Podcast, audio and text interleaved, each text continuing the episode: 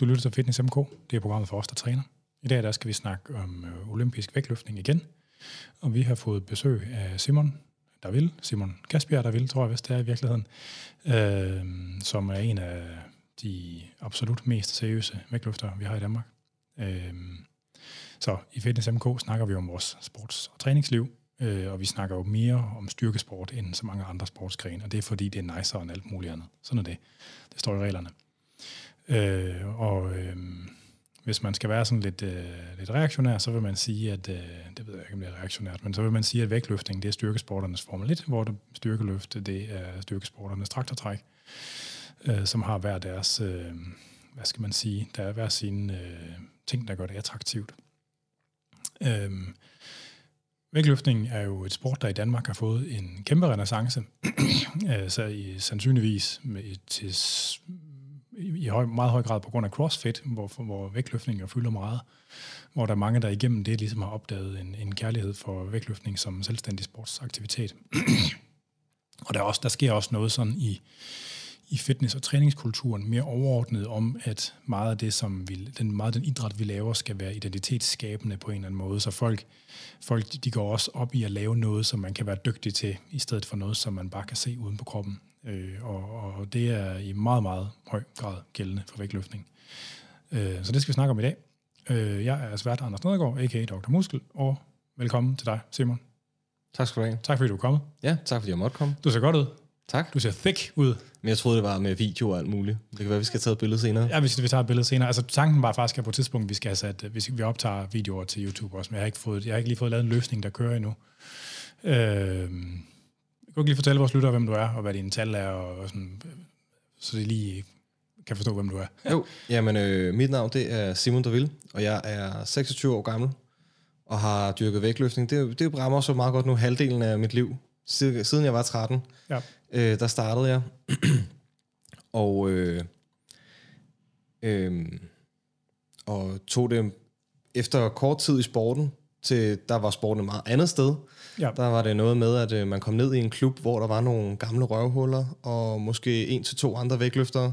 Og der lugtede sådan lidt af mukost. Der lugtede lidt af mukost, og, øh, og så blev man ligesom introduceret til den her sport, og så var man øh, crazy nok til at blive hængende, og øh, det blev meget hurtigt en, en stor del af mit liv og min identitet.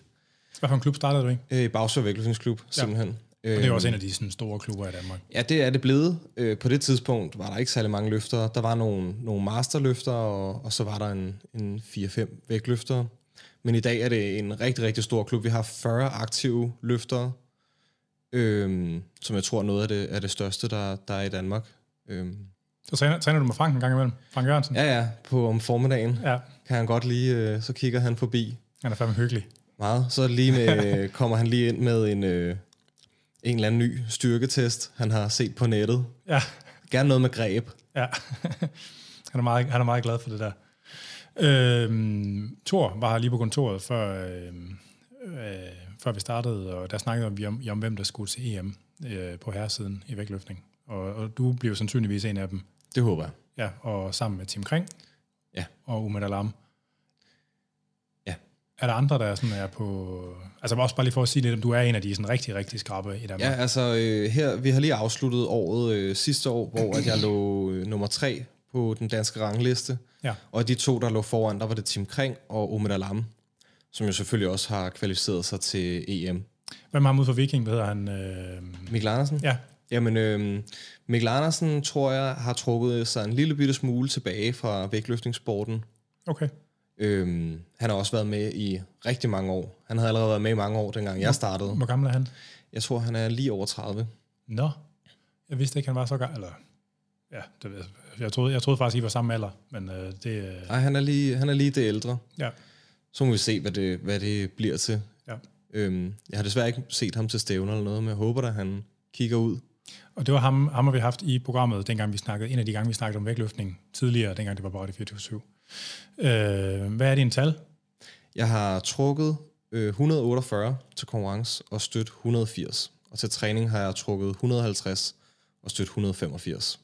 Nice. Hvor meget kan du squatte, hvis man må... Øh... Jeg har lavet en toer på 235. Stærkt. Ja. Og hvad er målet til, hvis du skal til EM? Øh, til EM kunne jeg rigtig godt tænke mig i hvert fald at være på 50 i træk og lige omkring de 90 i stød. Fordi øh, grunden til, at jeg har de sidste to perioder ikke rigtig fået ramt stødene til konkurrencerne, men har ramt 85 i begge perioder til, til træning. Nerver godt... eller dårlig pikning? eller? Jeg tror, altså sidste gang handlede det om, om nogle knæproblemer, øh, som ligesom gjorde, at den der topstyrke, der skal til til, til støddelen, øh, for dem, der ikke ved, ved det, så er støddelen den mere sådan styrkeprægede del af olympisk vægtløftning. Så den, der manglede lige det der overskud, øh, især mellem forsøgene, mellem andet og tredje. Der var simpelthen bare ikke, der var ikke reserver til at komme ud på tredje og sådan få trykket ordentligt mm. afsted, så den lå lidt fremme. Og, men altså, det håber jeg kommer næste gang, også fordi jeg så begynder at bevæge mig tæt på de nordiske rekorder på 151 kilo i træk og øh, 191 kilo i stød. Ja. Og øh, hvor mange år har du i dig, indtil man er, du er i starten af 30'erne, altså hvor det stadig kan blive bedre, tænker du? Eller? Altså jeg tænker i hvert fald, at øh, nu overstår vi, altså olympiaden er jo slut lige om lidt. Ja. Og så kommer vi ind i en ny olympiade, og den håber jeg, den tænker jeg at tage med for at se, ligesom, hvad der sker, også i sporten. Men er der noget som helst håb for danske udøvere til OL øh, i vægtløftning? Øh, et håb er der måske meget, meget spinkelt. Øh, det er jo sådan, så hele kvalifikationssystemet er jo blevet ændret. Øhm, er det sådan ret øh, Det ændrer meget radikalt, og, øh, og det er første gang, det kører nu, og det har nogle fordele, og det har også nogle ulemper. Øhm, en af ulemperne er, at man skal næsten være på niveau allerede, når man, når man begynder den her kvalifikationsperiode, som løber halvandet års tid. Ja. Øhm, fordi man samler point i alle perioderne, og man skal have det er de, det bedste resultat for hver periode, plus et ekstra resultat, som kan være på tværs af perioderne. Og der er tre perioder. Problemet er, at det er ikke lavet sådan en, øh, på sådan en lineær måde, det er lavet på sådan en eksponentiel måde. Så jo tættere du kommer på verdensrekorden, jo flere flere point får du. Nå, så der, der findes en pointkonverteringstabel nærmest, eller... Ja. Okay. Ja, så hvis du... Øh, det er for dem, der, der kan se det for sig, så svarer øh, den world standard, der er belagt, den svarer til 1000 point, og så svarer halvdelen af, world, af verdensstandarden i øh, to kamp, den svarer til 100 point, og så 0 kilo svarer til 0 point, og så mellem de tre punkter trækker du sådan en eksponentiel funktion. Så hvis du laver ja, okay. 5 kilo mere, så får du flere flere point. Ja, så, ja. Og det gør, at hvis man har et jævnt niveau igennem, altså man skal helst have et jævnt niveau igennem alle tre perioder, for sådan rigtigt at gøre sig gældende. Ja, ja. Øh, nå, altså, og, og, og, og hvorfor, betyder, hvorfor betyder det, at der er bedre chancer som dansk vægtløfter for at komme med? End... Øh, nej, men samtidig er så pla- antallet af pladser, der kan gå til et land, er blevet reduceret. Antallet af pladser, der kan gå til et land, er blevet reduceret fra øh, 8 til 4, så man har man kan maks have fire herrer med og fire damer med. Og så dem, de lande, der ligesom har taget rigtig mange pladser, de, øh, ja, de bliver bollet lidt. Ja, lige præcis. Så, så, så sådan et land som Kina for eksempel, de skal vælge, i hvilke klasser satser vi. Og de vil sandsynligvis satse på de klasser, hvor de er bedst til at få medaljer, som måske vil være nogle af de lidt lavere vægtklasser. Ja. Øhm, samtidig så øh, er der kommet sådan en, der er nærmest sådan en tabel for, det er jo sådan lidt dårligt, men alt efter hvor mange øh, positive dopingprøver, der har været, sådan inden for den seneste periode, det er så med til at reducere dine pladser, så der er ligesom sådan en, en direkte konvertering imellem, hvor mange positive tests har du fået taget, ja. og hvor mange pladser betyder det så, du bliver reduceret til. Ja. Og så er der det her med, at før i tiden, der kunne man samle sådan nogle nationspoint, og så få sådan nogle kvotepladser. Og det kan man ikke længere. Man kan kun kvalificere sig selv. Okay. Så man kan ikke ligesom give pladsen til en anden. Det er personen, der kommer og skal præstere, og på den måde kvalificere sig. Ja. Øhm, hvad med wildcard? Findes det? Der I... findes nogle enkelte wildcard, men så vidt jeg har forstået, så er det sådan nogle af de der host nation wildcards og small nation wildcards, som primært bliver givet. Men der er vist noget med, at der er et antal pladser, øh, som det er muligt at give.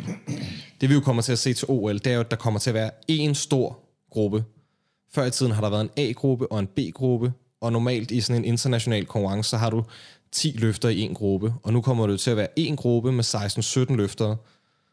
Så jeg ved ikke, om det gør noget, hvad det kommer til at gøre ved konkurrencen. Forhåbentlig gør det, at, at, at folk kommer til at ligge endnu tættere, sådan så at hele det taktiske spil i vægtløftning med, om du øger 2 kilo eller øger 3 kilo, og hvor godt du kender dine konkurrenter, at det kommer til at betyde endnu mere, fordi det hele kommer til at ligge sådan en kloster sammen.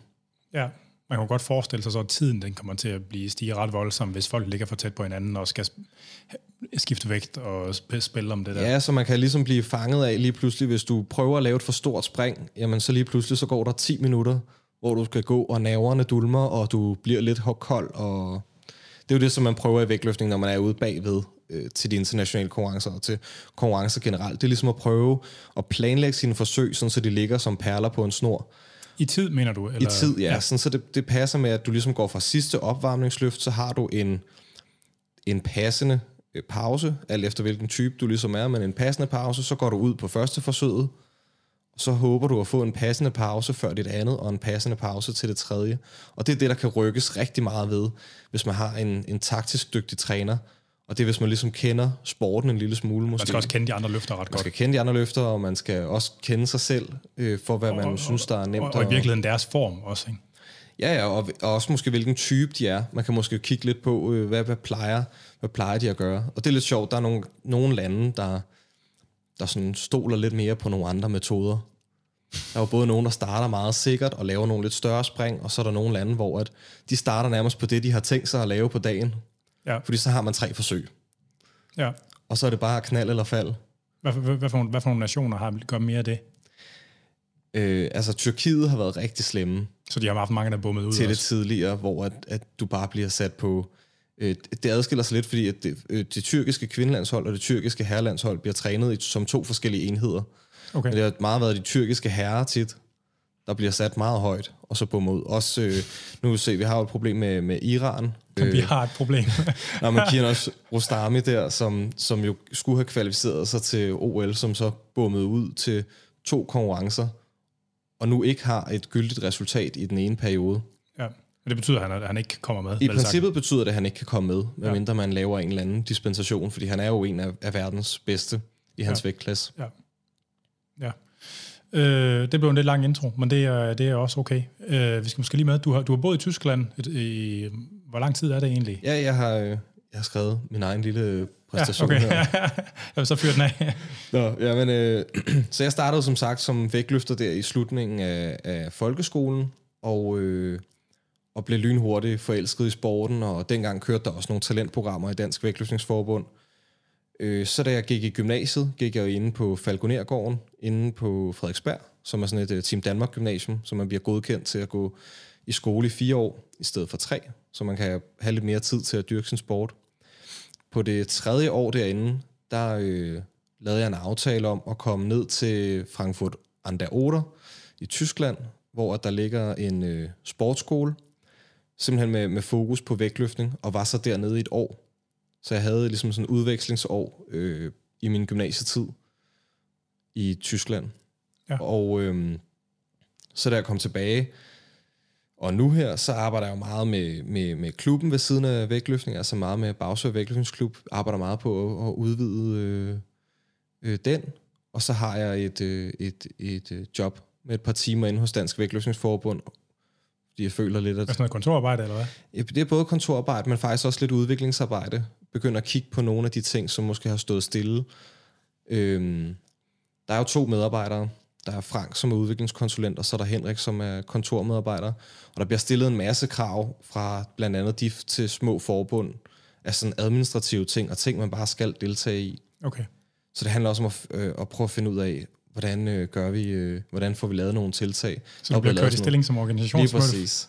Så der er blevet lavet sådan nogle, øh, sådan nogle planer i samarbejde med DIF, for hvad, hvad skal der arbejdes på? Øh, blandt andet, øh, hvad, er det, hvad er det Dansk Vægtløftningsforbund gerne vil? Og ja. Jeg har sådan en ting med ikke rigtig at kunne lade være med at, at sige, hvad jeg mener. Ja. Så må man jo også komme og, og gøre noget. Ja. Øhm, hvordan var det der, var der en tid i Tyskland? Har du også været nede i Tyskland efter det? Ja, og altså øh, efter jeg stoppede i Tyskland, ja. jeg, øh, jeg fik en skade i håndledet, som sandsynligvis, øh, sandsynligvis pådraget lidt på baggrund af ikke at være parat til måske bare at træde ind i sådan et system. Der er ret stor forskel på at komme fra Danmark, hvor at vi gør vores bedste med den viden, vi nu engang har, og og så træde ind i et system, hvor at der ligesom er planlagte mål for hvert udviklingsår, øh, fra du starter til vægtløftning, for du bliver, det er sådan nogle valgfag, man starter med i folkeskolen. Så kan du, kommer du måske til vægtløftning. Så går du til vægtløftning ved siden af skolen, i stedet for at tage på fritidsklub nogle dage om ugen. Dem, der så er gode, de bliver tilbudt en plads på, på sportsskole, og på sportsskolen, der er en eller anden plan for, hvordan trapper man folk op til at træne den her mængde. Og jeg gik jo bare fra måske træning 4-5 gange om ugen til træning 9 til 11 gange om ugen. Øh, og øh, jeg er ikke person, der sådan klager, så da smerterne i håndledet sådan begyndte at melde sig, så bare bide tænderne sammen, indtil sprang et øh, ledbånd ind i håndledet. Så okay. det var lidt det, der, der stoppede det. Okay. Var nødvendigt med en operation. Senere så fortsatte jeg så samarbejdet med, med den træner, der var, jeg havde i Tyskland, en der hedder Peter Keks, og, øh, og fortsat også i øh, Bundesligaen. De har sådan et ligasystem. Altså den tyske Bundesliga ja, i vægtløftning. Præcis, den tyske Bundesliga i vægtløftning. Ja. De har sådan et ligasystem, hvor at man løfter som hold, og sådan møder hinanden og battler. Ja. Og, øh, og det fortsatte jeg i, og så fortsatte jeg med samarbejde med ham, så jeg var ofte i Tyskland, og er det faktisk stadig. Øh, nu er han så pensioneret, så enten så kommer han her til Danmark, og vi laver en lille træningslejr, eller så tager jeg ned til, til ham så han lægger stadig de overordnede planer, men er, er desværre ikke muligt at have som, som daglig træner. Nej, nej. Vi snakker i telefon hver dag. Okay. Øh, altså, det her med, ligesom at der bliver lagt sådan en ret professionel plan ret tidligt i udøvernes liv, det er jo meget forskelligt fra det danske foreningsliv. altså har de, jeg kan man sige, hvordan, øh, vi har snakket om den gang tidligere, kan jeg huske, altså, kan du fortælle dig, hvordan det virker i forhold til det danske foreningsliv, det her med, at det ligesom, at det er mere struktureret systematiseret og sådan professionaliseret på et langt tidligere niveau og mere fingrynet, end, end, end man har i Danmark. Ja, altså øh, en, jeg tror, vi starter med en anekdote, der ligesom beskriver det, der sætter rammen meget godt. Så nede på den her sportsskole, der er en masse sportsgren. Jeg tror, der er 8-9 forskellige sportsgrene i store haller. Og i den ene hal, som er det fælles øh, fitnesscenter, kan man kalde det, der, øh, der står der med store bogstaver, op på væggen. Ikke et eller andet cheesy, øh, der står der bare, er folk mus organiseret sein, som betyder, at, at succes, det skal være organiseret. Ja. Det er sådan lidt, øh, hvis du ikke har en plan, så planlægger du at faile-agtigt. Ja.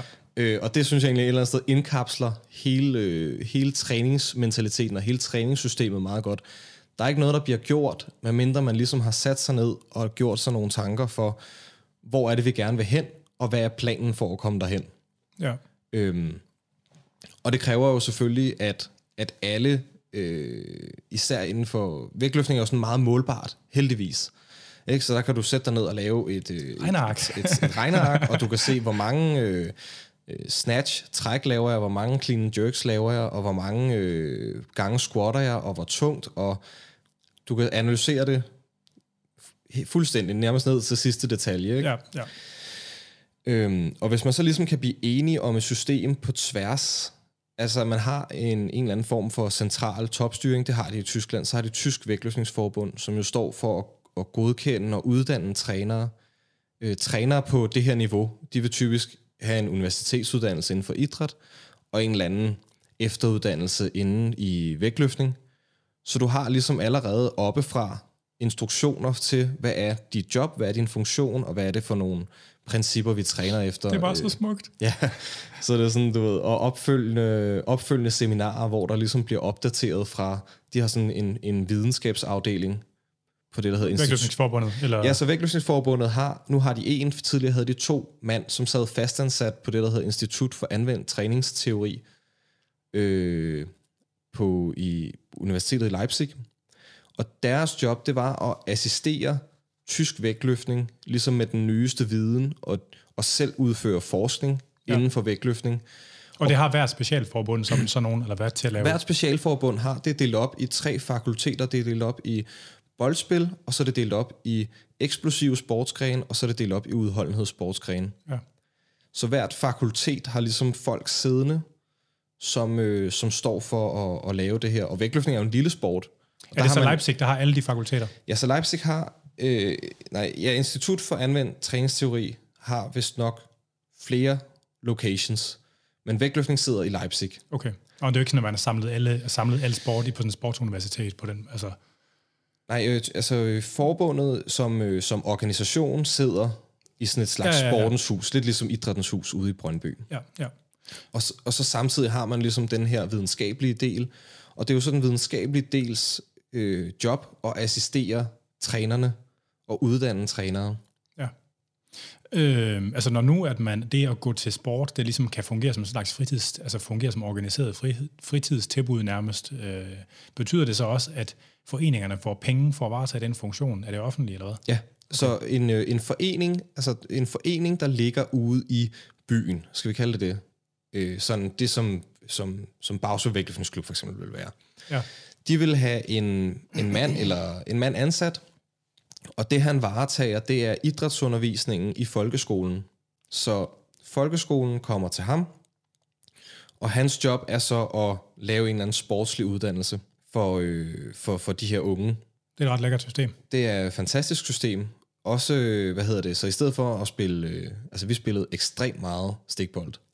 Til vægtløftning? Nej, nej, nej, nej. I, Nå, i, i min folkeskoletid, ja, ja. der var det, det var meget stikbold.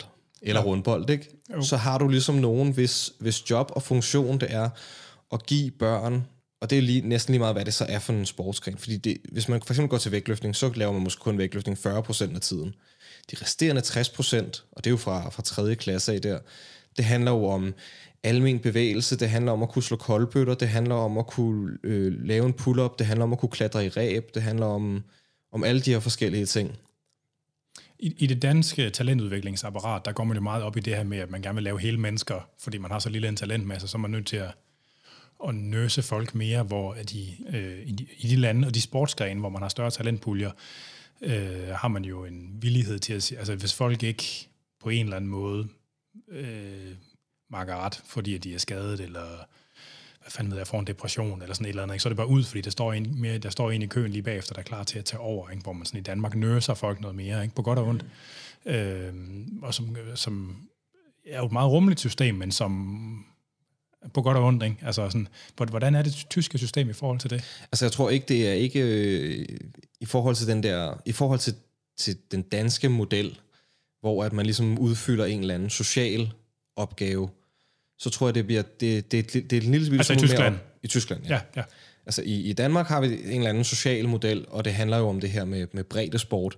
Jeg skulle prøve at fortælle min træner om breddesport, det har han aldrig hørt om før. altså... Øh, Fuck, det er sjovt. så selvfølgelig har altså de idrætsorganisationerne, idrætsklubberne ude i lokalmiljøet har en eller anden, et eller andet tilbud. Og ja. øh, tyskere dyrker jo også idræt. Men, men man kan ligesom gå en anden, skal vi kalde det for karrierevej måske, hvor at øh, man når et eller andet sportsligt niveau, og så bliver man prikket på skulderen og sagt, du øh, kan godt gå på gymnasiet på sportsskole for eksempel, og så er man på, ja, det er jo en kostskole, mm. hvor man så dyrker sport, og går i skole samtidig. Og det er heller ikke sådan noget, hvor at i Danmark, det, alene da jeg gik på Team Danmark Gymnasium, der har man jo nogle, man har nogle fordele, men det er stadig ligesom skole, så sport. Ja. I Tyskland, der jeg har prøvet at være ude for, at min træner, han så, at jeg var træt til træning, og så skriver han lige en seddel, ligesom i kontaktbogen. Simon skal ikke deltage i undervisning resten af dagen, fordi han er for træt, og, og han du, skal være klar til træning eftermiddag. Du får en morseddel med? Så, ja, så op og aflevere den, ikke? og så havde man fri. Nice. øh, så der var det sådan lidt mere sådan sidestillet. Ja. Øh, så, så ligesom den, den sociale del, den foregår ude i klubberne, men når man så ligesom er kommet videre, så handler det om det her med, hvordan laver vi medaljer i sidste ende. Det er jo ja. det, altså det er det, der bliver sat op. Hvordan fungerer et system, hvor at man du ved, langsomt skærer fra. Øh, folk fra. Folk fra, ja. ja. Øh, man har, på tysk har man sådan et ord, der hedder Sigtung, som betyder sådan udvælgelse. Ja. Og det, øh, det eksisterer ligesom, når man er 15, så er der ligesom fire trin, man kan være på. A, B, C og D. 15 år gammel. Ja, men så, altså, så er der ligesom sådan nogle udviklingstrin, så du ved hele tiden, hvor du er henne på stigen. Og det gør man også i håndbold og i fodbold og sådan noget. Og du ved, at hvis du skal være, hvis du skal lægge din kurve rigtigt, sådan så at du bliver tilbudt at dyrke fuldtidssport, så skal du ligge i A og B. Mm. Og så når du er 15, så er der måske A, B, C og D. Og så har man nogle præstationsstandarder. Der ja, så er der nogle præstationsstandarder for hvert år. I vægtløftning er det dejligt nemt, fordi det er bare et antal kilo svarende til en anden kropsvægt. Ja. I, øh, I andre sportsgrene, der, der fungerer det på sådan nogle øh, udvælgelsescamps, hvor man så kommer der 10 klubber og spiller en masse håndboldkamp mod hinanden, for eksempel, og så sidder der nogle sådan en form for scouts, ligesom, og, og ja. giver point for hvem der kan gå videre i systemet, ikke? Sygt nok. Øh, det var meget sjovt. Det, det var direkte forbundet også med en eller anden form for belønning. Vi havde sådan nogle to-personers værelser på det der internat, hvor vi boede. Øh, det hedder internat på tysk, det hedder ikke internat på dansk. Det hedder øh, på de der værelser. Ja, ja, ja. Så det var to personer. Men hvis man var A- eller B-atlet, så kunne man godt få et værelse alene. Nå. Så fik man to personers værelse alene. Okay. Og, øh, og det samme, øh, vi havde sådan en kantine, hvor vi, vi, vi spiste. Så hvis, Kom de så foran i køen, hvis, eller hvad? Hvis du var god nok, så måtte du få kød to gange. What? Jamen, der var, der var budgetteret med et eller andet. Du kunne få en steak per person eller et eller andet, ikke? Men så hvis du, var, hvis du var god nok, så kunne du få to, og så kommer det igen ind. Eller hvis din træner havde skrevet, at det var vigtigt for din sportslige præstation, at du tog på, så kunne du også komme og aflevere den der seddel, og så kunne du også få kød to gange. Ja, det er lækkert. Så det er ligesom, men i hvert fald sådan et system, hvor du ligesom, du bliver ligesom mindet om, hvorhen ligger du. Og hvis man så kommer videre, ja. så er det jo så, så bliver man tilbudt, øh, de har jo i, i, inde i deres militær, de har jo sportssoldater, øh, hedder det. Ja. Så du, du tager ligesom en, en form for meget, meget, meget kort værnepligt, og det er jo inden for alle sportsgrene, det her. En, øh, fodbold, og dem tror jeg er, øh, håndbold er sådan selvstyrende på klubniveau, tror jeg. Men mm. alle de andre olympiske sportsgrene. Øh, så får du ligesom en, en, en eller anden karrierevej, ikke? Så kan du starte med at blive sportssoldat. Det vil sige, du, du, du tager en lille kort uddannelse, og så får du løn hver måned. Du skriver en eller anden kontrakt på en eller anden længde. Ja. Hvis så kontrakten den udløber, og du ikke bliver vurderet til ligesom at have leveret sportsligt, jamen så kan det være, at du ryger ud. Man kan også vælge at, at, at blive politibetjent, eller blive brandmand, eller blive øh, beredskab. Altså hvor man får løn for den funktion, men i virkeligheden Hvor man faktisk får, så får man en lille løn, og har måske ikke særlig mange vagter. Så man får en uddannelse, imens du dyrker sport, og så skal du først stå til tjeneste den dag, du stopper med at dyrke sport. Okay. Ja, okay. Så, de har også, så, så det giver jo også et eller andet sted mere mening, at øh, når jeg siger karrierevej, altså der er jo ikke nogen, der bliver øh, millionærer af at dyrke vægtløftning, men du kan faktisk have nogle fordele og komme ud og ikke være bagud eller stå uden noget som helst, når du bliver færdig, men faktisk have et rigtig fint job. Ja. For jeg tror faktisk også, at det tæller jo så med, hvis du så bliver uddannet politibetjent, så tæller det jo så med din ancienitet og pension og, og alt sådan noget, at du ja, har været ja. tilknyttet derigennem som i sådan en sportsgruppe. Ja. Vi skal lige afslutte din præsentation. Vi snakker lige videre om det der om det tyske, altså om din om dine erfaringer dernede fra lige om lidt. Øh, fordi øh, jeg, er glad for, at du er kommet. Det er, øh, jeg, jeg, jeg, jeg tænker, at, at øh, hvad kan man sige, du er nok den, der sådan har været sådan, altså det der med at bo i et andet land, hvor formålet var at bo på en træningsskole, det er vel du den eneste af de danske sådan elite vægtløfter, der har gjort, er, det, er du ikke? Jo, det, det, jo, hvad jeg ved af, jo. Ja. Øh, fordi igen, ja, miljøet i Danmark, det er jo ja, anderledes. Ikke? Altså, øh, til dem, øh, der har syrerne, der, det er selvfølgelig Fitness MK, det ved jeg godt, fordi det er jeg selv, der har valgt at høre på det, men øh, hvis man har spørgsmål til programmet, eller forslag til nogle nye, så skal man være velkommen til at skrive ind, og det kan man på afn så skal jeg gøre, hvad jeg kan for at svare på det. Øh, hvordan var din, sådan, hvordan var din sportslige udvikling med at være dernede, udover at du selvfølgelig fik en ret slem skade, men altså, hvad har du taget med dig hjem? Altså, en hel del, en, altså en masse viden omkring vægtløftning. Ja. Og det kræver, men det kræver så også selv, at man opsøger det en lille bitte smule. Men har I undervisning i vægtløftningsteori Nej. også? Nej, det har man. Nå, okay, Nej. det troede jeg egentlig. Øh. Så øh, altså, jeg gik jo på gymnasiet, helt klassisk, og vi havde idræt i gymnasiet, hvor man har noget, øh, noget sportsteori. Øhm, og så, men, men vægtløftningsdelen og selve træningsdelen, altså hvis du ikke interesserede dig for det, der lå bag, så kunne du bare tage til træning, gøre det, der blev sagt, og tage hjem igen. Okay. Er, er der mange, der gør det? Ja, det er der nogen, der gør. Det er, det er der mange, der gør. Det er fandme mærkeligt. Altså, i min verden, så er det mærkeligt. Men der er nogen, der har det bedst med det der, selvfølgelig. Som min træner, han sagde det der med, at der er nogen, der skal træneres, og der er nogen, der skal dressiers.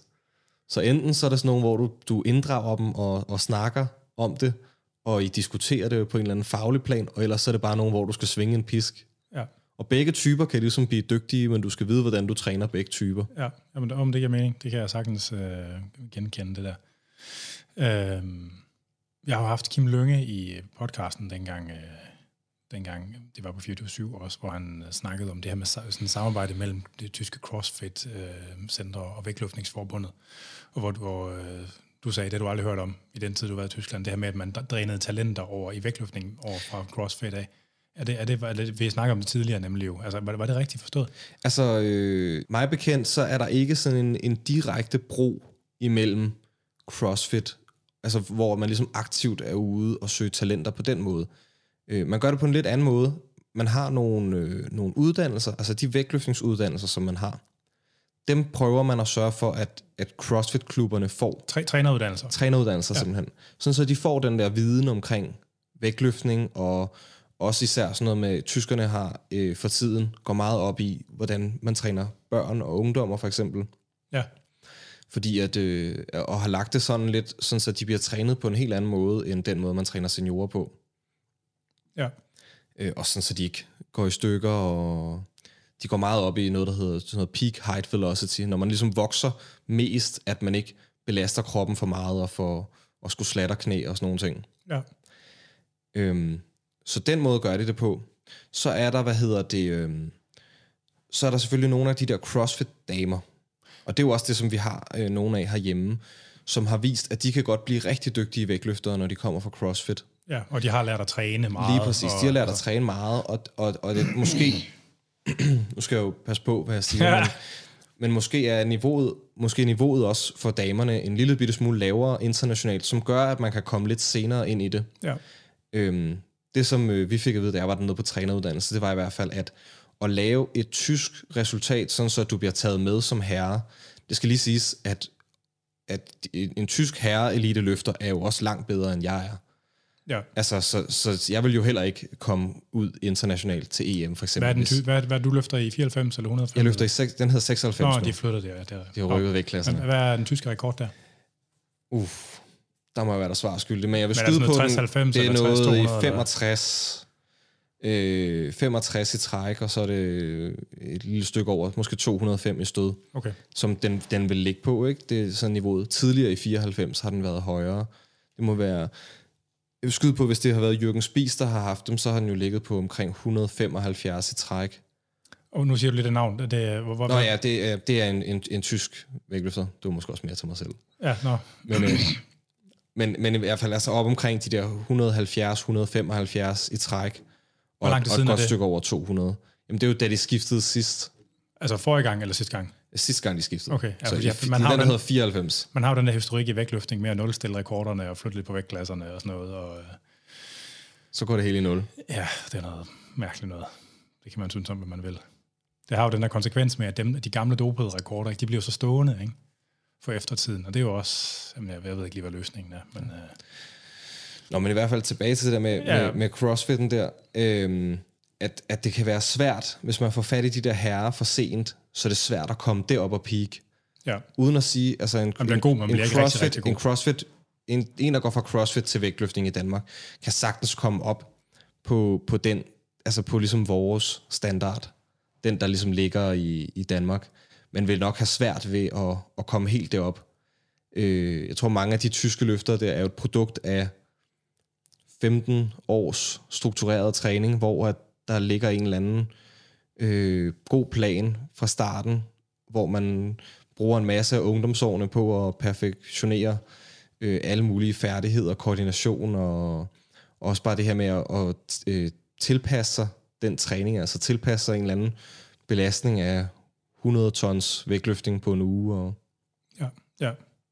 Ja, altså de sidste 10-20 procent, de kommer kun med virkelig, virkelig, virkelig ja. mange timers arbejde. Men tænker du, at man mister dem mest i kraft af, at man fanger dem for sent, eller i at de ikke får akkumuleret mange timers træning nok? Altså i, i hos... Altså hvis man fanger en som 20-årig måske, ikke?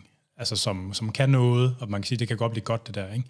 Altså grunden til sådan en, han ikke bliver sådan en, der kommer til at være øh, altså en gammel, altså det man vil kalde en A-gruppe løfter mm. før, altså er, er det, tænker du mest, at det er fordi man øh, går glip af noget alder, eller man går glip af nogle timers træning? Hvad tror du varer mest i forhold uh, til den? Det er jo dig, der er fysiologisk ekspert. Ja, men det er jo, jeg det tænker er også, at der ligger noget... Empirisk. Jeg tror, der ligger noget i, ligesom om man begynder at træne vægtløftning øh, før puberteten eller efter puberteten. Ja. Sådan uden... Øh, altså det er i hvert fald det, jeg synes, man sådan oplever og ser.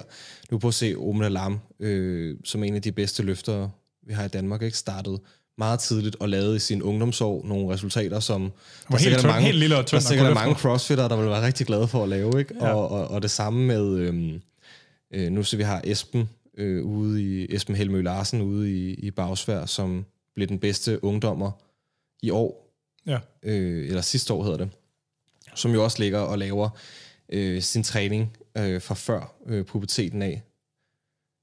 Ja.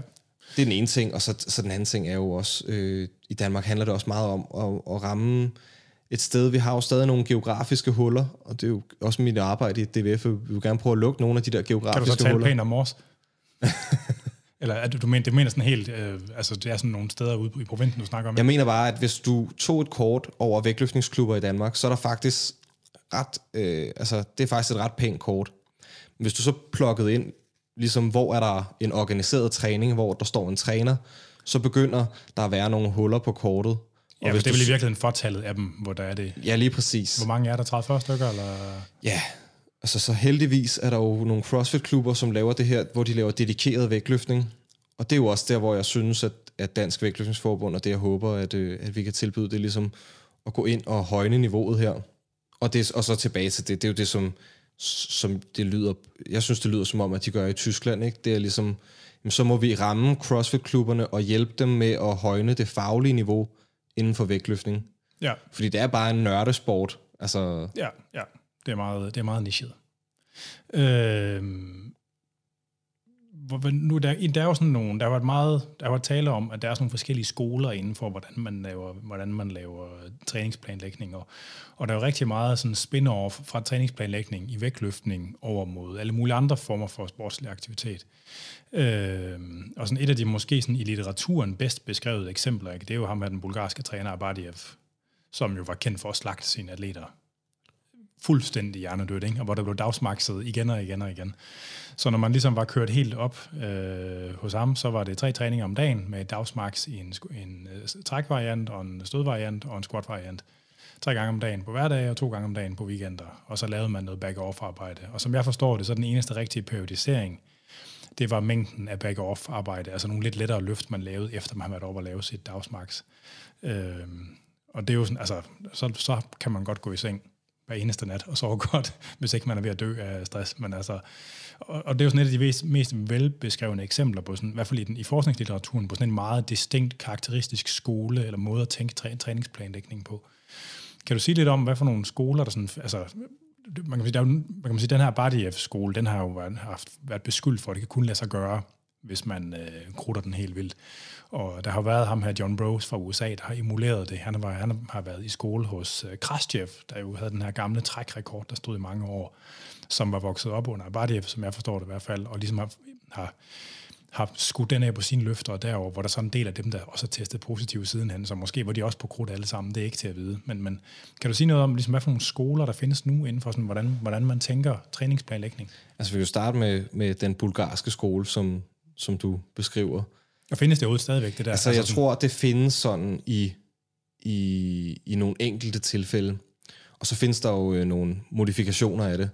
Men det, der jo er så ekstremt ved det, det er jo, at det er fuldstændig ude i... Hvis du forestiller du har et eller andet, et eller andet spektre, så den helt Ja, ja, ude og springe skalaen, ikke? Fordi du har en, øh, en, en træningsteori, der bygger på, at vi skærer fuldstændig ind til benet Ja, og laver det, som der er konkurrencespecifikt, plus lige lidt det løse, ikke? ja, Vi laver træk og stød, snatch og clean and jerk, flere gange om dagen. Hvad er det, vi skal til konkurrence? Vi skal løfte tungt, så vi løfter kun tungt. tungt. øhm, og det er jo øh, til dem, der har prøvet at, at køre sådan en max-dag i snatch og clean and jerk, så prøv at gøre det mange gange på en dag. Hver dag, Hver dag i ugen. hver måned, hvert år. Lige på nær søndag, ikke? Altså, der ligger en, øh, jeg tror, et meget godt indblik i det her system. Det ligger på, på YouTube. Der ligger en, øh, en dokumentar, der hedder School of Champions, som er en bulgarsk dokumentar om netop Abadiev. Og der er en eller anden... Der er en, der kunne både bulgarsk og engelsk. Han har fået 10 dollars for at sidde løbende og oversætte, hvad der, er, der sker. Så det giver ikke altid helt mening, hvad der bliver sagt på engelsk. Men man forstår lidt essensen af det. Okay. Men altså, alle atleterne ligner jo nogen, der... Ja, de sidder nærmest og rocker frem og tilbage med render under øjnene, ikke? Og de ligner de der børnehjemsbørn fra Rumænien. Ja, det øh, ligner sådan en arbejdslejr, bare med folk med store traps. Ja. Og tykke ben, vel sagt? Ja, lige præcis, og tykke ben. Og, øhm, og det var jo, altså, det var jo et, et brutalt system, øhm, hvor du tager en, du tager en, en masse æg, og så klasker du dem ind mod væggen, ikke? og så samler du de få op, der stadig er tilbage. Ja. Altså, jeg tror ikke, jeg tvivler på, at jeg tror godt, man kunne have nået de samme resultater på andre måder, men det var jo et system, der passede til den tid, til den mentalitet, på det tidspunkt, med den måde, det blev kørt på. Og, dem, og der, man var villig til at betale den pris, der man var. villig til at betale den pris. Øh, også, man var egentlig et eller andet sted ligeglad med de mennesker, der ikke klarede den. Ja. Øhm, så, øh, så jeg tror måske, altså, tør måske godt gå planken ud og så sige, at jeg tror, det er et af de mest brutale træningssystemer, der nogensinde er blevet fundet på, altså inden for alle sportsgrene. Ja. Øh, hvad angår sådan stress på kroppen, og øh, også, altså, hvis man skal tro den her dokumentar, så var de der løfter jo sådan semi-bange for Abadiev. Der sidder den ene, han sidder med en hånd, der er fuldstændig svulmet op, og så siger han, I won't tell coach, he'll just yell at me again. Okay. Må han kun have råbt af dem, hvis de sådan er decideret bange for ham? Ja, så der er i hvert fald det, og så er der jo ligesom, hvordan de bliver kørt op mod hinanden. Så, så, øhm, men altså, sådan et træningssystem er det jo svært at gøre sig klog på. Også, du ved, det er, jo, det er jo tit et system, det bulgarske system, som ligesom går i folkemunden, ja. hvor at, at man snakker om det, og, og hvor vildt det var. Og altså, jeg skulle ikke nyde noget. Nej. Det kunne være meget sjovt lige at prøve en uge, ikke? men jeg tror ikke, at det var øh, særlig fedt det, altså det må også tage virkelig lang tid bare at komme i nogenlunde form til det. Ikke? Der findes jo, jo alle mulige sådan vilde røverhistorier om, at de der folk, der var det på det bulgarske system, deres binyre voksede, fordi at de skulle bruge så mange et eller andet steroidhormoner, altså sådan for at, altså jeg ved ikke, om det passer, men, men, men hvis man skal tale om noget, der er sådan mere kontemporært og, øh, og sådan realistisk, altså så man sige, der, er en del af de kinesiske løfter, der begynder at være meget aktive på øh, Instagram og YouTube og sådan noget, ikke? Hvor, man, hvor man, noget, af det, noget af det, som man måske lægger mærke til der, det de, det, de laver til, det ser ud til, at de snakker, de viser i hvert fald enormt meget sådan noget mærkelig støttetræning, sådan noget mm. bodybuilder, gymnastikagtigt noget. Ikke? Det er jo en af de ting, man lægger mærke til. Øh. Ja, hvis man skal stole den, den lille litteratur, der nu engang er på kinesisk vægtløftning, som ikke er sikkert interne, hemmelige dokumenter, men noget af det, der ligesom sådan slipper ud, så er det jo ekstremt meget fokus på de der støtteøvelser, som jo så går, går, går meget modsat. Altså selvfølgelig, vægtløftningsdelen er jo stadig en kæmpestor del af det tror faktisk et eller andet sted, det hele det falder lidt tilbage på det her, vi snakker om med, hvad er det for et system, du er opvokset i. Jeg tror ikke, der er særlig mange, der i, deres, i midten af 20'erne vil kunne hoppe ind i det bulgarske system og få særlig meget ud af det, fordi de mangler en masse års tilpasning til at kunne holde til det. Ja. At det egentlig er det, det handler om i højere grad. Øh, og, og så en anerkendelse af, at der findes jo forskellige veje at blive, blive dygtig til ting. Med hensyn til det kinesiske system, det der du siger, vægtløftningsdelen fylder jo også ekstremt meget. Det virker lidt som om, jeg synes nogle gange, det virker som om, at det bliver bygget op som en eller anden hemmelig filosofi inden for, for træning, men et eller andet sted, så er det jo vægtløftningstræning, og hvis du har hele dagen til at træne, jamen så er der selvfølgelig også masser af plads til at lave en masse assisterende øvelser. Ja.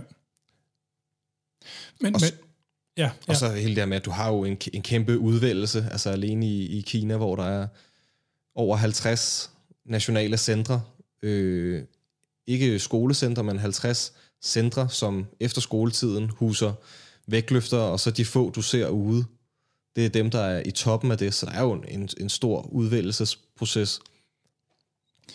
Din, nu, når du, når du selv får programmering, øh, nu, altså, det, gud, det virker som om, at, ligesom, at selve konceptet for træningsplanlægning er mere, at, at, at det tyske vægtløftningsforbund siger, at det er sådan, at vi overordnet set gør.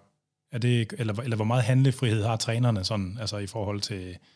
Altså kan man tale om, at der er et tysk system, sådan, som er karakteristisk på en eller anden særlig måde i træningsplanlægning? Man kan godt snakke om, at der er et tysk system, som er karakteristisk, og, øh, og blandt andet også karakteriseret ved sådan, hvad er det for nogle ting, man fokuserer på. Ja. Det er en lille smule karakteriseret ved den måde, man ligesom vælger at anskue især hele ungdomsarbejdet, juniorarbejdet og seniorarbejdet hvordan er det, vi kommer fra, fra, fra en eller anden 13-årig til en verdensatlet? Hvordan passer vi på dem, og hvordan øh, presser vi på de rigtige tidspunkter? Ja. Øhm, og så er der selvfølgelig sådan helt ned på et eller andet, hvordan er en træningsuge. Øhm, det tyske system er meget bygget op om sådan klassisk sportslitteratur omkring lineær periodisering.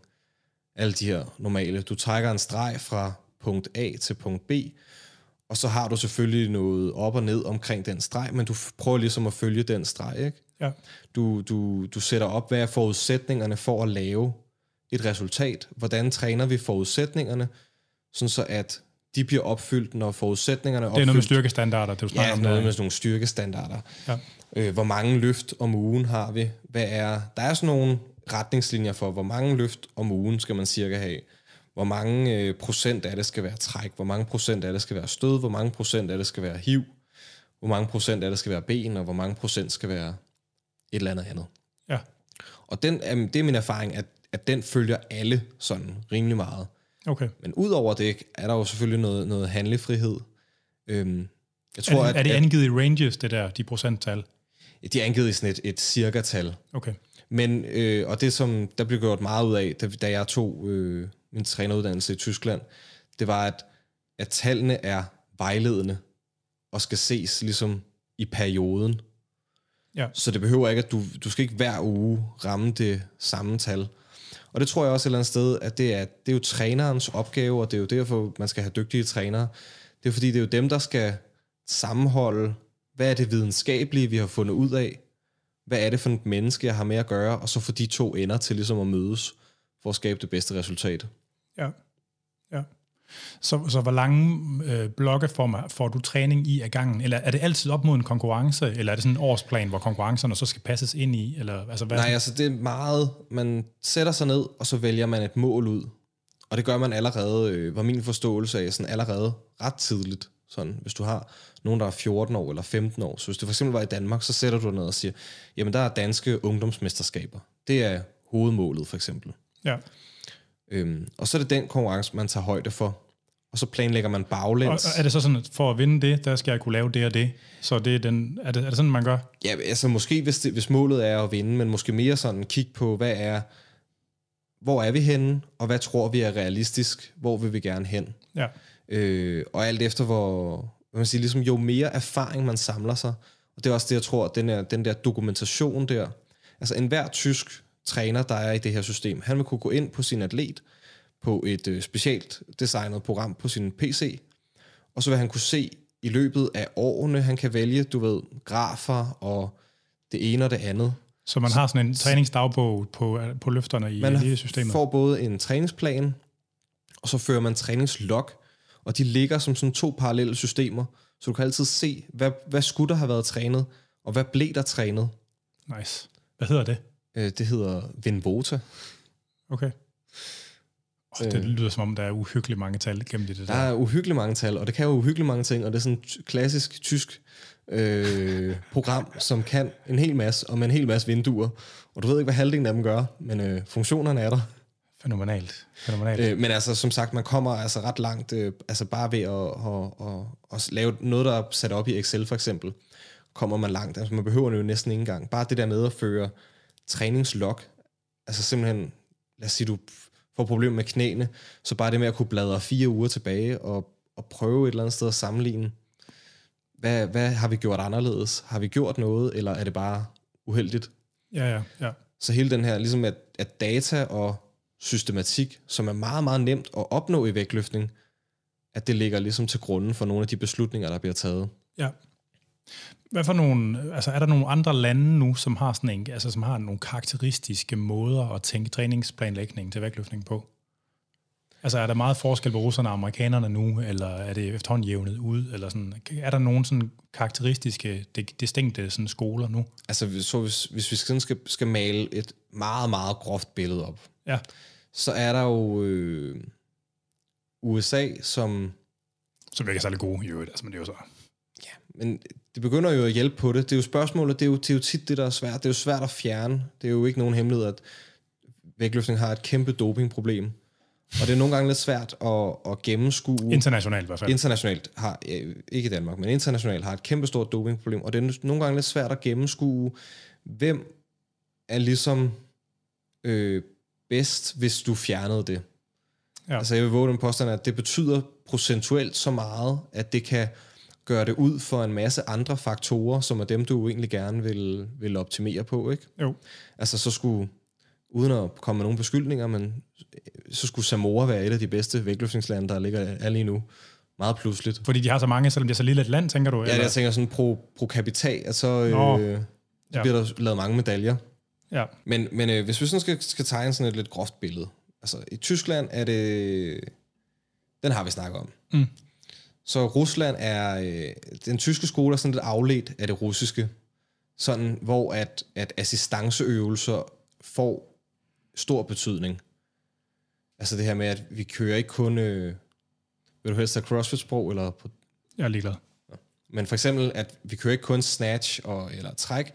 Der er også træk fra hæng, øh, forskellige assistanceøvelser i forskellige, øh, øh, i forskellige afskygninger, og sådan måske lidt mere lænende op af den her klassiske, klassiske sportsopbygning, hvor at volumen starter med at være høj, og intensiteten starter med at være lav, og så laver de sådan en omvendt øh, korrelation, hvor at så går volumen lidt ned, og så går intensiteten op frem mod øh, et stævne, og så topper du til det, og så får du lidt fri, og så starter det ligesom forfra igen. Mm. Så det er sådan meget klassisk sådan sportsteori. Så er der jo det bulgarske system der, som jeg ikke helt ved. Det tror det spørger lidt rundt omkring, men ellers så tror jeg, det er lagt, lagt lidt meget i, i kisten. Så er der jo det, det kinesiske vægtløftningssystem, som vi snakkede om, som bygger på nogle andre ting, og, og har ekstremt meget fokus på, ja, igen, det er jo klassisk sport, men så har de endnu mere fokus måske på sådan general fysik ved siden af. De er jo lidt mere strandklare, mange af dem. Sådan en, ja. ja.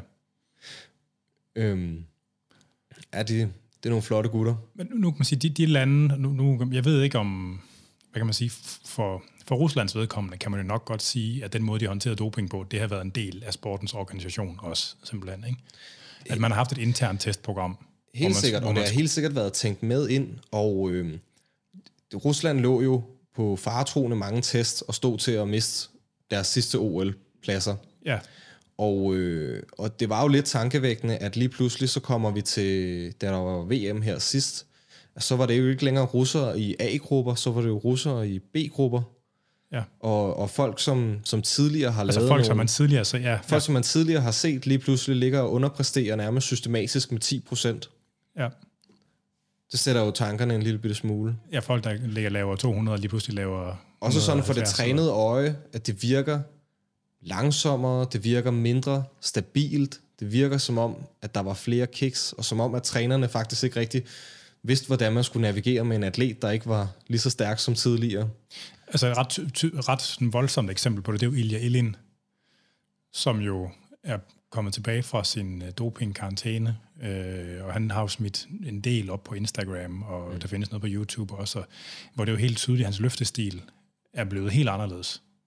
Ja, helt anderledes. Altså, helt, helt anderledes. Der er ikke det der ekstreme... Den er meget voldsom, aggressiv, altså det er bare væk. Og der er ikke den der, det der ekstreme styrkeoverskud længere, hvor at det hele det bare ser hurtigt og let ud. Så hvis jeg lige inden for de sidste par måneder, der er det som om, han er kommet lidt tilbage igen. Det kan man tænke om, hvad man vil.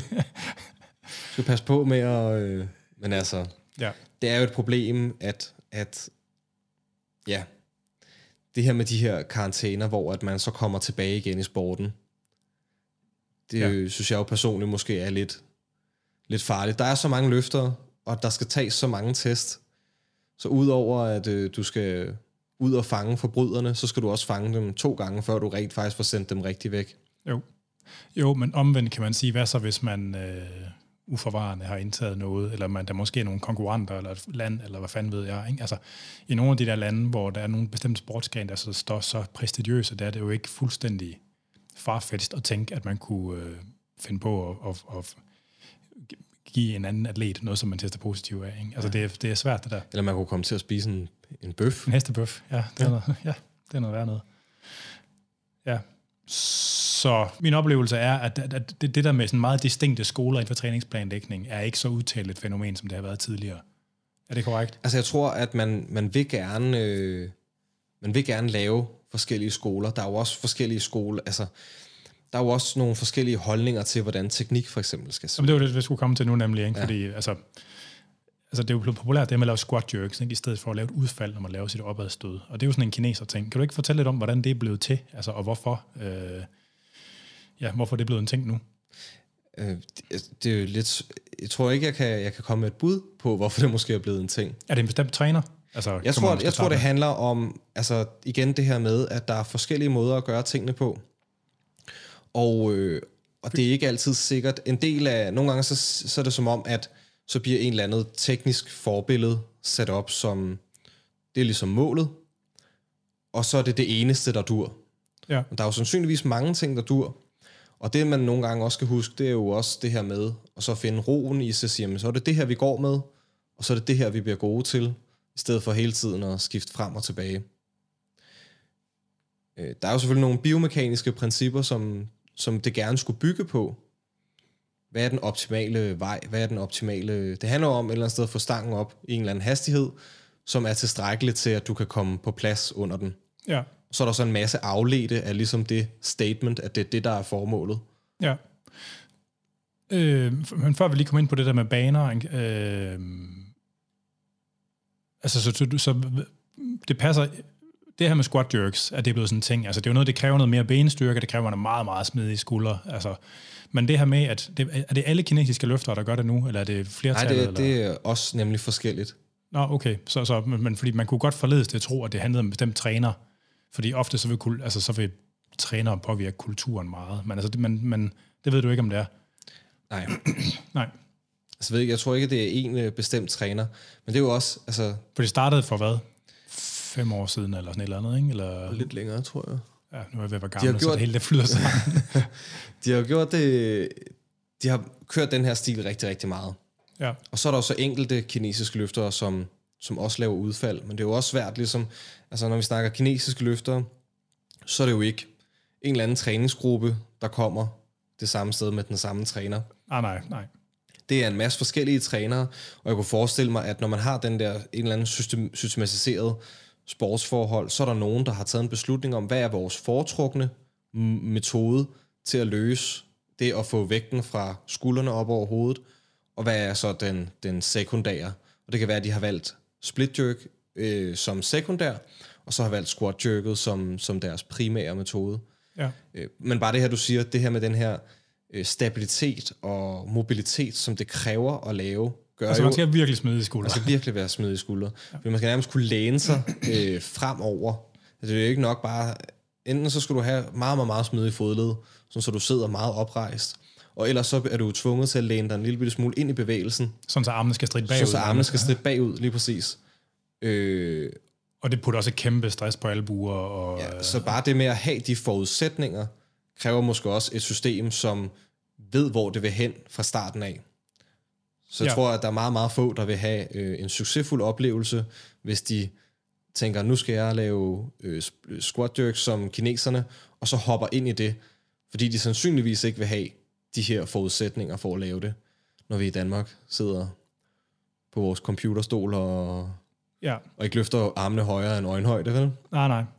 Hvad med sådan noget som, øh, hvor, hvor smalt eller bredt man står, hvor langt nede man starter? Altså er der, sådan, er der eksempler på, at der sådan er skole i det, at der er nogle lande, der har bestemt kultur for at starte højere eller lavere i sin stilling? Eller det er begyndt, at man ser jo mere og mere det her med folk, der regripper i deres, når de har lavet deres vend, at de regripper til et bredere greb, for, øh, så ikke man skal, jeg vil tro, det er for at spare nogle centimeter i, hvor langt opstangen skal, når man laver opadstødet. Jeg tror simpelthen, det handler om, hvad, hvad skal udgangshastigheden være? Hvor hurtigt skal stangen bevæge sig for at flyve op i den rigtige højde? Ja. Og jo bredere du holder, det er jo alt sammen nærmest nogle trade-offs. Du kan forestille dig, at du sætter sådan nogle, øh, du sætter nogle, øh, nogle parametre op, ja. og så har du sådan nogle scrollers, så kan du scrolle ud til siden. Ja. Så hvis du holder ekstremt slider, bredt, som slider, så hvis du holder ekstremt bredt, jamen så skal det ikke særlig højt, så du, du skal ikke generere lige så meget kraft opad. Til gengæld, så skal du være, have ekstremt stabile skuldre, fordi det er meget hårdt at holde den ude bredt. Ja. Øh, så det taler imod. Ja. Øhm, og på den måde, der er der sådan en masse ting frem og tilbage. Og så er det så vigtigt, igen det her, vi siger med, at du har noget sportsteknik, som er det, der er i tekstbogen, og det, er, det skal jo gerne være baseret på, det kan være baseret på to ting. Enten så har du lavet nogle, nogle antagelser og nogle udregninger, sådan lidt, øh, ellers så har du kigget på, hvad gør verdenseliten, og ligesom lavet sådan en kvantitativ analyse, hvis du lægger de 800 bedste løft sammen. Altså normative løfte Ja, lige præcis. Hvad, ja, ja. Er så, hvad er så løftestilen? Ja. Kan man overhovedet sige noget om det? Ja. Og det er der jo studie, det er sådan nogle studieeksempler på, hvordan man ligesom prøver at sige noget om det. Ja. En, en, en, en ting, jeg, nu er det jo igen tysk vægtløftning, det jeg kan trække meget fra, men der, holder man, der gør man alt, hvad man kan for at holde numsen nede i starten af løftet, sådan så at, øh, at man holder sig forholdsvis sådan øh, oprejst. Men er der nogle lande, man ikke gør det? Øh, jamen for eksempel i Kina, der har de lidt mere sådan en, en flydende øh, overgang, hvor at, at hofterne så... kan godt ligesom skifte op, og så skifter vægten ind igen. Okay. Ja, altså for der er jo selvfølgelig noget med ens bygning, den, den stiller nogle krav til løfteteknik. Hvis man har længere eller korte arme, så betyder det for, hvor langt man skal ned. Ikke? Men, men der har, jeg har hørt det omtalt, det her ligesom med, at der er nogle, nogle lande eller grupper af lande, der har nogle bestemte ligesom, måder at tænke på, hvordan løftene skal udføres også. Ikke? Altså hvor, som det tyder på, at det ikke kun er baseret på sådan en antropometrisk øh, analyse, men også, at der er et eller andet kulturelement gemt i, hvordan man tænker på løftene. Der er helt klart noget kulturelement, og så er der også, men det er jo også det der med, at du bliver også dygtig til det, som du bliver ved med at lave. Ja, ja, ja. Og, øh, og, og, og der er jo ikke, så, så er der nogle små forskelle, og det er stadig nogle forskelle, der er, så vi kan se dem, men det er jo ikke forskel, øh, hvad kan man sige, selve den banekurve, som stangen har, ligner meget hinanden. Ja. Der er så nogle, altså, øh, kinesisk vægtløftning er ekstremt flot, det er ekstremt stabilt, det ser ekstremt hurtigt ud, men jeg vil også våge den påstand, at det kræver en meget, meget, meget, meget stor styrke. Og så er vi tilbage. jeg plejer, så tilbage. Jeg plejer at sidde, når vi er ude til, til EM og VM, så tit som muligt øh, sniger mig ned. Der plejer at sidde sådan en fra netop fra Institut for Anvendt Træningsteori for Tyskland, som bare sidder og optager alle løft. De har sådan et program, som så går ind direkte og analyserer. Ja. Og der kan jeg bare Som se... selv genkender skiver og stang og sådan... Så, Jamen, man markerer lige, hvor øh, stangen er henne. Okay. Og så kører den det selv ind og, og lærer det. Vinkel, man gør det fra? Øh, ja, det kan den godt korrigere for. Åh, oh, det er nice. Og så lærer den øh, løftet og data. så lærer den ligesom det der data ja. i en eller anden database. Og jeg lagde bare mærke til, at der var den kamp, øh, meget, meget øh, sådan berømt kamp inden for, for vægtløftning, da vi var i Turkmenistan, mellem øh, Lu Xiaojun og øh, Mohammed Ehab. Ja. Nu skal jeg lige tænke mig om. Nå, det er også lige meget. Men der lader jeg bare mærke til, at på nogle af de kinesiske løft, der er ligesom den minimumsfart, den skulle op i for at få et succesfuldt løft, den var en del højere, end den var hos nogle af de andre løfter, og faktisk også det, man ligesom har i øh, ligesom foreskrevet. Mm. Så, så hvad betyder det? Så det betyder, at måske, altså at teknikken gør måske, at man kan komme op i en rigtig høj fart, men det kræver også en meget højt fart at løfte på den måde, og få et succesfuldt løft. Ja. Det er sådan en lille smule... Øh, jo, jo. Også og her i mikrofonen og sådan noget, måske en lille smule. Jo, jo. Øhm, tiden, den er lidt ved at stikke, fra, stikke ja. af fra os. Og jeg tror, det kommer til at betyde, at jeg skal spørge dig, om du har lyst til at være med til at lave en tur en anden dag. Ja, det Fordi at jeg skal ud og holde foredrag, og øh, ja, det vil blive noget juks, hvis vi skulle forsøge at haste igennem det, og så er det bedre, at vi laver en tur og har ordentlig tid til det. Kan vi godt gøre det? Ja, Fedt. Fordi at så, øh, fordi så, så vil jeg nemlig sløjfe af her, sådan så der er ikke noget, vi ikke kommer til at skulle rush igennem. Ja. Noget. Det bliver noget skrald at skulle rush igennem. Øh, ja, så, øh, så vil jeg sige tak indtil videre. Vil du ikke lige fortælle folk igen, øh, hvad du hedder, dit fulde navn, og hvor man kan følge dig og dine awesome lifting feats? Jo, jeg hedder øh, Simon Davil og laver vægtløftning. Og øh, jeg er på Instagram som Simon Davil. Det er ikke så tit, der kommer noget op, men der kommer lidt en gang imellem. Du skal lægge de der lifts på the gram, du får nogle følgere. Internetpoint, det betyder meget nogle steder i verden. Ja. øh, tak fordi du er kommet. Øh, vi laver som sagt en tor, så, øh, og jeg beklager det på klippet over, eller i virkeligheden så er det rart nok. Jeg, ikke, jeg kan ikke selv lide at høre på podcast, der er særlig meget mere end en halvanden time, så måske er det meget godt. Og det er selvfølgelig Fitness MK, man har lyttet til. Det ved jeg stadigvæk godt, fordi det er jeg selv, der har valgt det. Øh, det var en dårlig vand fra radioen af. Jeg hedder Anders Nedergaard, men man kan lytte med til den her og de andre episoder, vi har lavet, øh, både via stream og podcast. Og man kan streame det øh, enten fra Libsyn, hvor vi har hostet det, hvor jeg deler links til, og man kan streame det ind fra, øh, ind fra min egen blog. Og øh, når jeg deler det på sociale medier, så sørger jeg for også at lægge øh, direkte links til, hvor episoderne ligger på de forskellige podcast-tjenester. Øh, og man kan fortsat skrive til, øh, skrive til os på afn, øh, hvis man har spørgsmål eller forslag.